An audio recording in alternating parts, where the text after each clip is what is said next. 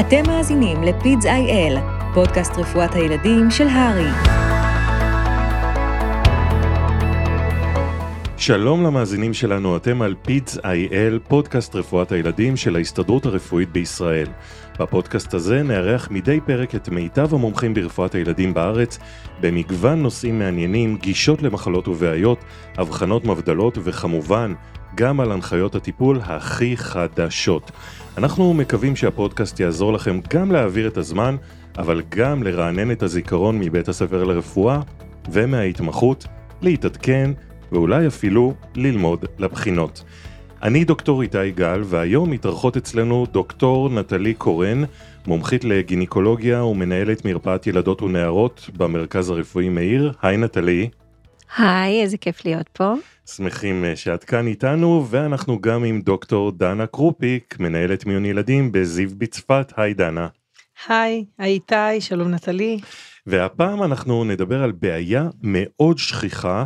אני רואה במרפאה כל חודש מקרים כאלה, דימומים בתינוקות, ילדות ונערות. נטלי, אני צודק, זה באמת שכיח או שרק אצלי במרפאה? אז אה, כן, נראה לי שהן איכשהו מוצאות אותך.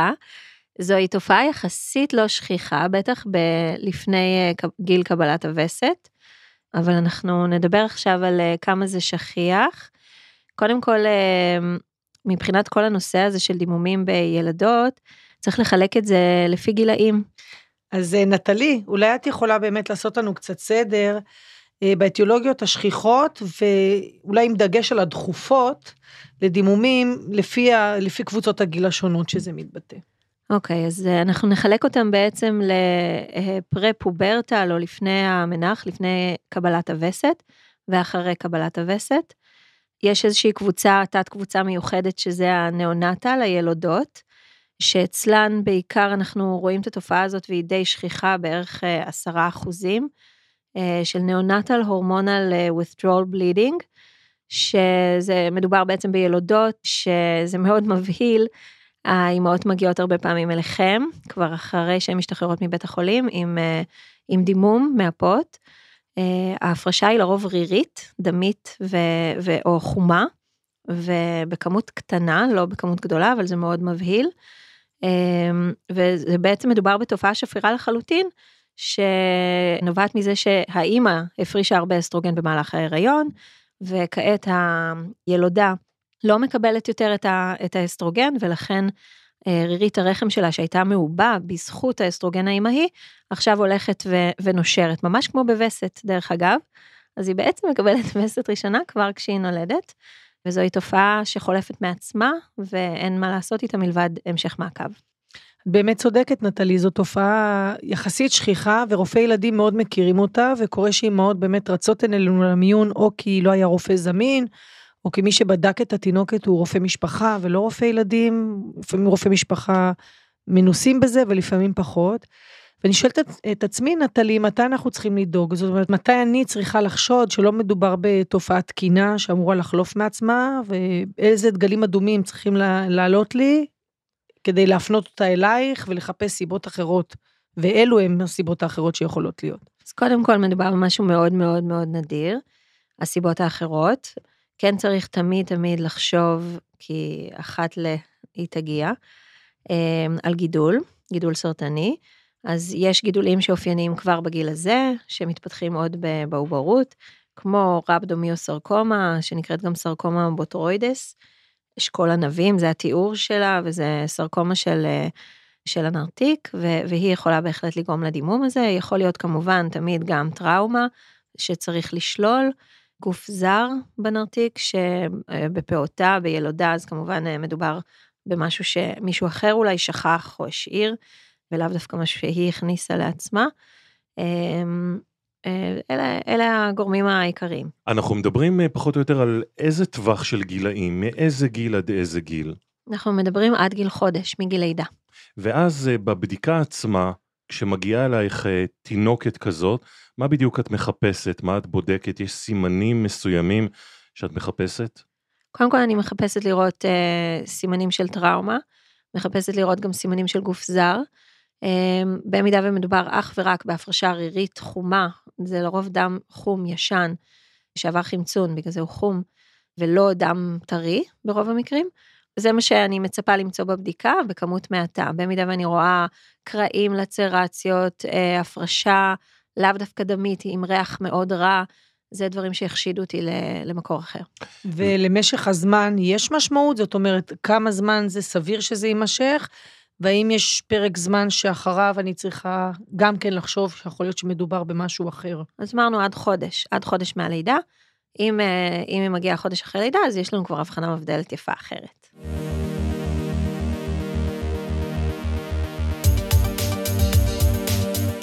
אז אה, הנה, הגענו לתקופת הזמן השנייה, ואז אה, מה ההבחנה המבדלת האפשרית? אז הכי שכיח לילדים... אחרי, אנחנו מדברים עכשיו אחרי גיל חודש. כן. אז הכי שכיח כמובן, וזה את יודעת יותר טוב ממני, זה הטראומה. אה, שילדות בעצם אה, מגיעות, אני מדברת רק על ילדות, כן? שיהיה ברור לכולם, רופאת נשים. שילדות בעצם מגיעות אה, לאחר טראומה, לרוב, לרוב הטראומה היא כהה. כלומר, חבלה שהם קיבלו באזור הפרינאום, במפסעה. וגם פיסוק חד, נכון? נכון. גם פיסוק חד יכול לעשות איזשהו קרע קטן. כמו השיר הזה, Nine Little Monkeys Jumping on the Bed, כן? מכירים? אז אני שרה את זה הרבה פעמים לילדות אה, רגע לפני שמרדימים אותם, בגרסה העברית כמובן. אה, כי הם קפצו על המיטה והרבה פעמים החבלה היא מהמסגרת של המיטה או מהאמבטיה, אה, מהקצה של האמבטיה, מחליקות שם, והפיסוק רחב כמו שאת אומרת. ואז ב, ב, במקרה של טראומה, אנחנו בעצם נחפש, נחפש סימנים שירגיעו אותנו מצד אחד, שירגיעו אותנו בהקשר של פגיעה מינית והתעללות מינית, שזו נורה שתמיד צריכה להידלק לנו. כשאנחנו מדברים על דימום ב- בילדות, תכף אה, נתייחס לזה. ומצד שני בעצם לראות האם מדובר במצב אה, חירום, האם מדובר בדימום פעיל, בהמטומה מאוד גדולה, משהו שיכול להמשיך להתפשט וצריך הפניה למיון, או משהו שאתם יכולים בתור רופאי ילדים להסתפק בביקורת אה, מחר, מחרתיים בבוקר. באיזה מקרה, כי אנחנו בודקים הרבה ילדות כאלה במיון, ובדרך כלל אם הסיפור מתאים, ואנחנו לא רואים סימנים אחרים של חשד לאביוז, ואנחנו רואים איזושהי שריטה קטנה בדרך כלל בחלק האחורי, נכון? של לא, דווקא... הקדמי. החלק הקדמי או הצדדים, כאילו בלביות בעצם. מתי אנחנו צריכים לחשוב, אנחנו במיון, שזה משהו אחר, ולקרוא לכם? אוקיי, אז, אז קודם כל, לקרוא לנו זה גם במידה וזה כמובן לא נרגע וזה דימום אה, שדורש תפירה, או אם אתם חוששים שהדימום, אה, מדובר גם בהמטומה, כי כלי הדם באזור האגן, אה, כלי הדם עשירים עם זרימה עשירה, ויש הרבה מקום ברטרופריטונאום באזור הנרתיק והאגן שהדימום יכול להתרחב, אז לפעמים צריך להכניס אצבע ולראות שאין המטומה שהולכת וגדלה באזור הנרתיק. אז קודם כל, כל עוד הפגיעה היא בעיקר בלביות ובעיקר קדמית ל... אה, להימן, אז אה, זה יחסית מרגיע. את מדברת כמובן על אה, פגיעה מינית. בפגיעה מינית אנחנו דווקא לא מפנים לגניקולוגים, כי זו בדיקה שהיא פורנסית, ורק מרכז אקוטי יכול לבדוק ילדה כזאת, וצריך חוקר ילדים, צריך הסכמה של ההורים במקרה הזה, או אם ההורים חשודים, אז צריך איזשהו צו. אבל המצבים הרפואיים שמדאיגים אותנו, אם אני מבינה ממך נכון, ושאנחנו צריכים כן גניקולוג שיבדוק במיון או גניקולוגית, זה כשיש דימום שלא נפסק, שזה מעבר לשריטה הקטנה הזאת שרואים שנגרמת כתוצאה מהפיסוק החד הזה. כן. אם יש כאבים עזים. נכון, אם יש כאבים עזים, וגם צריך לחשוש מעצירת שתן, שהבנות בעצם לא ייתנו שתן, בגלל שכל כך כואב להם ושורף להם. נכון, אנחנו ממליצים להם במקלחת לנסות לעשות. כן. פיפי, זה נכון? זה, כן, לגמרי, בדיוק כמו אחרי לידה. אה, ואז בעצם אה, במקרים כאלה לפעמים מאשפזים אפילו להכנסת קתטר עד שההמטומה קצת יורדת ו, ואפשר אה, לתת שתן, אפשר גם למרוח אמלה באזור. אז כרגע דיברת על איזה טווח של גילאים, מגיל חודש ועד? מגיל חודש ועד עד קבלת הווסת, חוץ מהטראומה, שזוהי סיבה מובילה בהחלט, אז יש עוד דברים שצריך לחשוב עליהם, קודם כל על התבגרות מינית מוקדמת, אה, שזוהי תופעה, קשה מאוד לדבר על השכיחות שלה, בגלל שבכל אה, מוצא השכיחות היא קצת אחרת. אבל אנחנו שומעים אה, בשנים האחרונות שההתבגרות המוקדמת הולכת ו, ומורידה את הגיל שלה ויש אה, בנות שמגיעות לכדי התבגרות מוקדמת מוקדם ממה שהיינו רגילים בעבר, אפילו נכון. לפני גיל תשע לפעמים. נכון, אז בעצם ההגדרה היא מתחת לגיל שמונה במדינת ישראל, באוכלוסייה ואצל שאופיינית אפריקאיות לנו. בארצות הברית זה שש, אם אני נכון, זוכרת נכון. עוד. נכון, כאילו מתחת אה. לגיל שבע בעצם, כן, ההגדרה היא מתחת לגיל שבע. אבל אז כבר היו שדיים, כי הש- הווסת מגיע אחרי השדיים. נכון, נכון. לרוב אז אה, אנחנו נראה איזושהי אה, הנצת שדיים, לפחות טאנר 2 בתל-ארח ובפובארח, בסיור אה, במפ- המפסעתי, גם אה, נראה לפחות טאנר 2. יכול להיות התפתחות מינית מוקדמת על, על רקע שהוא לא מוקדם, כלומר לא הציר כולו התחיל מוקדם. לפעמים זו התפתחות מינית מוקדמת כתוצאה מציסטות שחלתיות, ופה צריך אה, לזרוק את השם אה, מקון אולברייט סינדרום, שהולך עם, אה, עם אה, ציסטות אה, שחלתיות שיודעות להפריש אסטרוגן, ורק בגלל זה יהיה להם דימום, רק מהאסטרוגן, מהציסטות. כלומר, לא כל הציר אה, יתחיל לעבוד, ולאו דווקא נראה את הטאנרים שמקדימים אה, את, ה, את אה, קבלת הווסת. זאת אומרת, אם אני מבינה ממה שאת אומרת, אם אין לי סיפור של טראומה, או בדיקה שמתאימה לטראומה, כל ילדה בגילאים האלה עם דימום נרתיקי צריכה לראות רופא, רופאת נשים. כן, כי. הסיבות הן סיבות שצריך לבדוק אותן. צריך לעשות בדיקות הורמונליות, צריך נכון. לעשות אולי הדמיה, ו- ולראות במה מדובר. וגם לבדוק את זה הפוט. לא תופעה שהיא, שהיא תקינה, אלא אם כן מדובר באמת באיזושהי התבגרות. נכון מאוד. שאר הסיבות, אגב, חוץ מהתבגרות מינית מוקדמת, זה למשל סיבות שקשורות ו- ומצריכות בדיקה טובה של הפוט, שגם פה אה, מגיעות אליי למרפאה הרבה פעמים בנות שנבדקו כבר על ידי רופא משפחה, שלא ממש ידע מה לעשות עם זה, ואז הוא הפנה לרופא ילדים, והרופא ילדים נתן איזה טיפול אה, גנרי, וכן בדק, לא בדק, ואז הפנה לעוד רופאת ילדים, ואז היא הפנתה לרופאת נשים, ובסוף הן מגיעות אליי אחרי שהן נבדקו כבר חמש פעמים על ידי אנשים זרים ובטראומה גדולה. אז צריך ל- להבין שאם אתה, את, אתה חושבים שעכשיו אתם צריכים לבדוק את הפוט ואתם לא בטוחים במאה אחוז שהבדיקה אה, שלכם תהיה הבדיקה האחרונה והסופית, אולי כדאי מראש לרכז את הבדיקה אצל אה, מישהו שמבין בזה. אבל את יודעת שזה לא כזה פשוט כי. אה, אה, אתם מקצוע די נדיר גינקולוגים וגינקולוגיות שמתמחות בטיפול בילדות ותינוקות נכון. אין הרבה כאלה נכון. אז מה צריך לעשות רופא בקהילה שמגיעה אליו תינוקת או ילדה כזאת שסובלת מדימומים ומה לעשות גם לרופאי משפחה וגם לרופאי ילדים אין הרבה ניסיון בטיפול הזה. מה אמור לעשות אה, במקרה כזה רופא רופא ספר שנמצא רק באיזה קיבוץ או כן, כפר? אני גם מחזק אותך, איתי, שבניסיון שלי, שאין לי רופאה גינקולוגית נ- לנערות וילדות זמינה, הרבה פעמים אני מכירה פוט תקין של ילדה יותר מהגינקולוגים שרואים את זה פחות. אז אנחנו כן צריכים איזה שהם כלים כדי לדעת מתי זה באמת משהו שמדאיג אותנו, ואיזה הדמיה כן אנחנו יכולים להתחיל לעשות, או אילו בדיקות דם, או איך אוקיי. להתחיל ברור. אז קודם כל, אני רק אזרוק את, ה, את שאר ההבחנה המבדלת, כדי שנדע באמת במה להתמקד. אז אמרנו התבגרות מינית מוקדמת, אמרנו טראומה. אני מדברת גם על אה, sclerosus, שזוהי מחלת עור שיש לה פיק, אה, שני פיקים בחיים, אחד בגיל 60 ואחד בגיל 6. אז זה בהחלט רלוונטי, וזה אחוזים בין 1 ל-3 אחוזים בגיל הזה.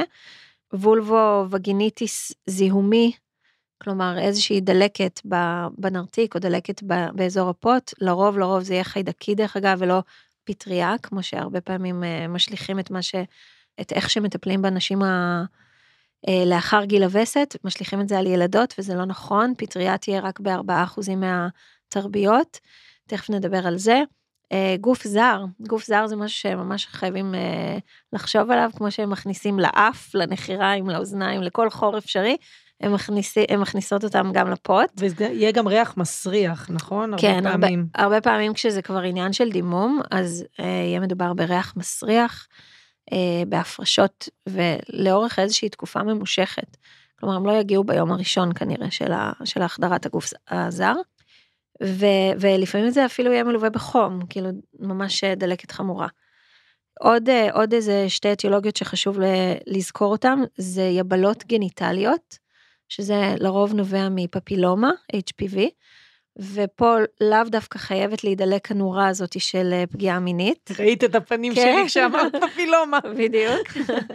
זה יכול להיות, זה כן צריך להיות in the back of, uh, of our heads, אבל כן צריך uh, לזכור שפפילומה עוברת אה, גם במגע דרך ידיים, מישהו שנגע ולא שטף ידיים, ואחרי זה נגע, החליף חיתול, זה יכול להופיע גם שם, זה יכול להופיע ממעבר בתעלת הלידה של האימא, בתינוקות, ולמעשה עד גיל שלוש ממש לא צריך לחשוד בפגיעה מינית, בגלל המעבר בתעלת הלידה, זה כל כך שכיח יחסית. זאת אומרת, זה עובר בתעלת הלידה, אבל מתפרץ כן. קלינית כמה שנים אחרי זה. כן, אה, וזה, כמו שזה אצלנו, לעשות... אצל, אצ, אצלנו המבוגרים, גם יכול אה, לישון אצלנו ולהתפרץ מדי פעם. וזה יעשה דימום משמעותי, אם אלה באמת אה, נגעי פפילומה? לא, זה יעשה דימום קל, כלומר הפרשה דמית על התחתון. זה כן יכול לגרום לגרד שיגרום לדימום. זה משהו מציק ל, ל, לילדה.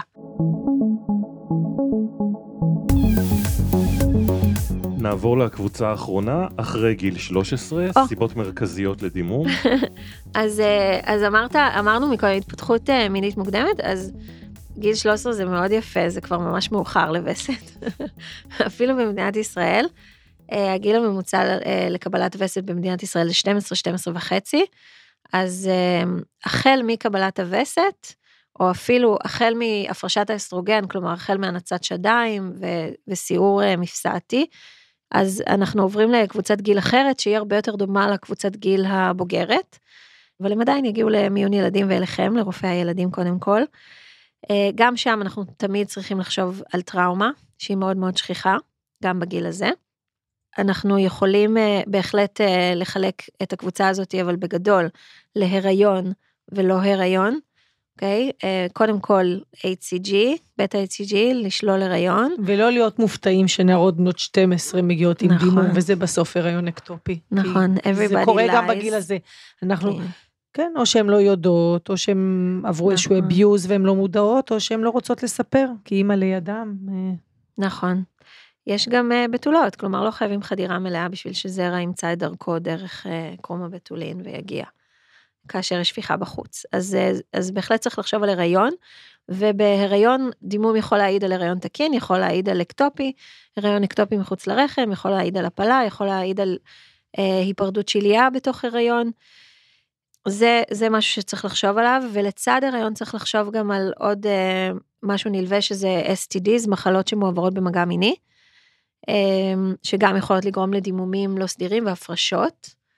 אוקיי, אה, חוץ מזה יש לנו כמובן, וזה הכי הכי, שכ... הכי שכיח, הכותרת השכיחה שלנו בנערות האלה, זה abnormal uterine bleeding בגלל אנובוליישן, בעצם בעיות בביוץ, הפרעה בביוץ, צריך לזכור, המחזורים בגיל הזה הם מחזורים לא סדירים, וזה שכיח מאוד, הם יכולים להיות ארוכים מהרגיל, כלומר להימשך מעל לשבעה ימים, שזה בערך התקין, הם יכולים אה, להגיע לעיתים תכופות, כל שבועיים ולא כל 28 יום. הם יכולים אה, להגיע גם לעיתים רחוקות כמובן.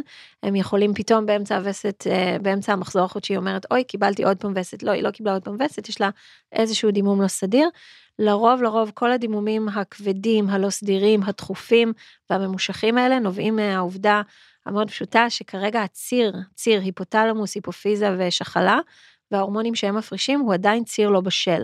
האי בשלות הזאת של הציר יכולה להיות, אה, להימשך שנה, לרוב, לרוב בערך שנה אחרי קבלת הווסת, לעתים גם שנתיים, ואם היא קיבלה מאוחר יחסית, ככל שהיא קיבלה יותר מאוחר, הציר יבשיל גם יותר מאוחר. אז הן באמת יכולות להגיע למיון בדימומים מאוד כבדים, ולפעמים למצב של שוק אפילו, שדורש טיפול חירום, אפילו מתן דם דחוף. נכון. אנחנו נותנים אסטרוגן ופרוגסטרון במצבים נכון, האלה, נכון מאוד. כדי לעצור את הדימום כן. הזה. אז בעצם הטיפול, uh, הטיפול כמו כל אחת uh, שאימנו אותנו בעצם ברפואה דחופה, uh, הטיפול בהן צריך להתבסס על האם היא יציבה המודינמית או לא, האם מדובר במישהי אנמית עם אנמיה סימפטומטית, אה, והאם יש פה דימום פעיל, או שהדימום כרגע הוא חלש או עצר לחלוטין, והטיפול על כן מותאם לפי זה.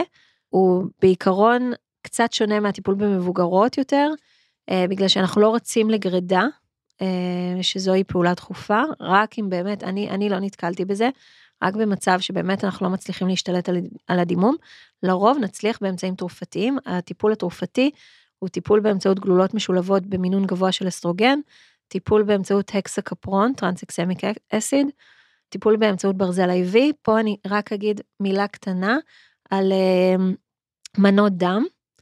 מתן מנות דם, צריך להיזהר עם אה, נערות צעירות ועם נשים צעירות בגיל אה, הפוריות, עם, לגבי מנות דם, בגלל שהם בעצם מעבר לתופעות לוואי הרגילות שיש לכל אחד שמקבל מנת דם, הן יותר חשופות לפתח נוגדנים, מה שיכול לפגוע בהריונות העתיד שלהם.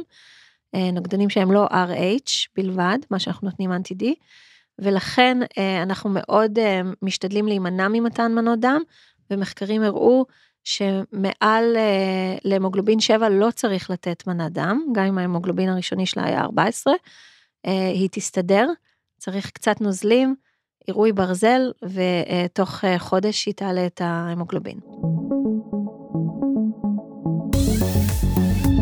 אז בואי נחזור למרפאה שלנו בקהילה, מגיעה בין אם זו תינוקת, פעוטה, ילדה, נערה, עם סיפור של אה, דימומים, עד שיש אה, לתור אה, אליכם, לגינקולוגים, מה הרופא בקהילה יכול לעשות בינתיים, איזה בדיקות הוא יכול לקחת, האם בכל מקרה של דימום צריך לקחת ספירת דם, האם צריך לקחת בדיקות שתן, בדיקות STD, בדיקות אחרות חוץ מהבדיקה הגופנית. אז אנחנו כמובן מתייחסים לנערות, נכון? לנערות המתבגרות. אז קודם כל צריך אנמנזה טובה, שזה משהו שבהחלט רוב רופאי הילדים סוגרים אצלם. אמ, האם יש נטייה לדימום או הפרעות דימום במשפחה? כי אה, זה חשוב מאוד וזה מה שאנחנו נרצה לברר אם כן. אפשר לשאול בהקשר הזה האם היא נכבלת בקלות, המטומות, האם יש לה דימום מהאף, חניכיים, דימום מוגבר באופן כללי בווסת. לשאול הרבה, לתחקר על המחזור. מתי היה הגיל הראשון שהיא קיבלה וסת? אה, האם הווסת היא סדירה? האם היא כואבת מאוד? שפה זה איזשהו אה, טריגר לגבי אנדומטריוזיס ושגם אה, אותו צריך לחפש. כמה ימים נמשכת הווסת? כמה פדים היא מחליפה ביום? האם היא מתלכלכת? הבגדים, הסדינים? האם יש קרישי דם? האם היא קמה בלילה להחליף פדים? אפשר לשאול גם על אמצעי מניעה, שזו אגב גם סיבה לדימום לא סדיר של מתבגרות. גם אמצעי מניעה יכולים לעשות אה, דימום לא סדיר. האם היא פעילה מינית? ושם אנחנו מתייחסים ספציפית, האם יש סיכוי שהיא בהיריון? האם יכול להיות שהיא נדבקה בפפילומות, ב-HPV? האם יש לה אולי STDs? אז קודם כל אנמנזה טובה. לגבי הבדיקה, אז אמרנו קודם כל אה, לגבי יציבות המודינמית, ולגבי הערכה האם יש פה אנמיה והאם היא סימפטומטית, אה, ודימום פעיל.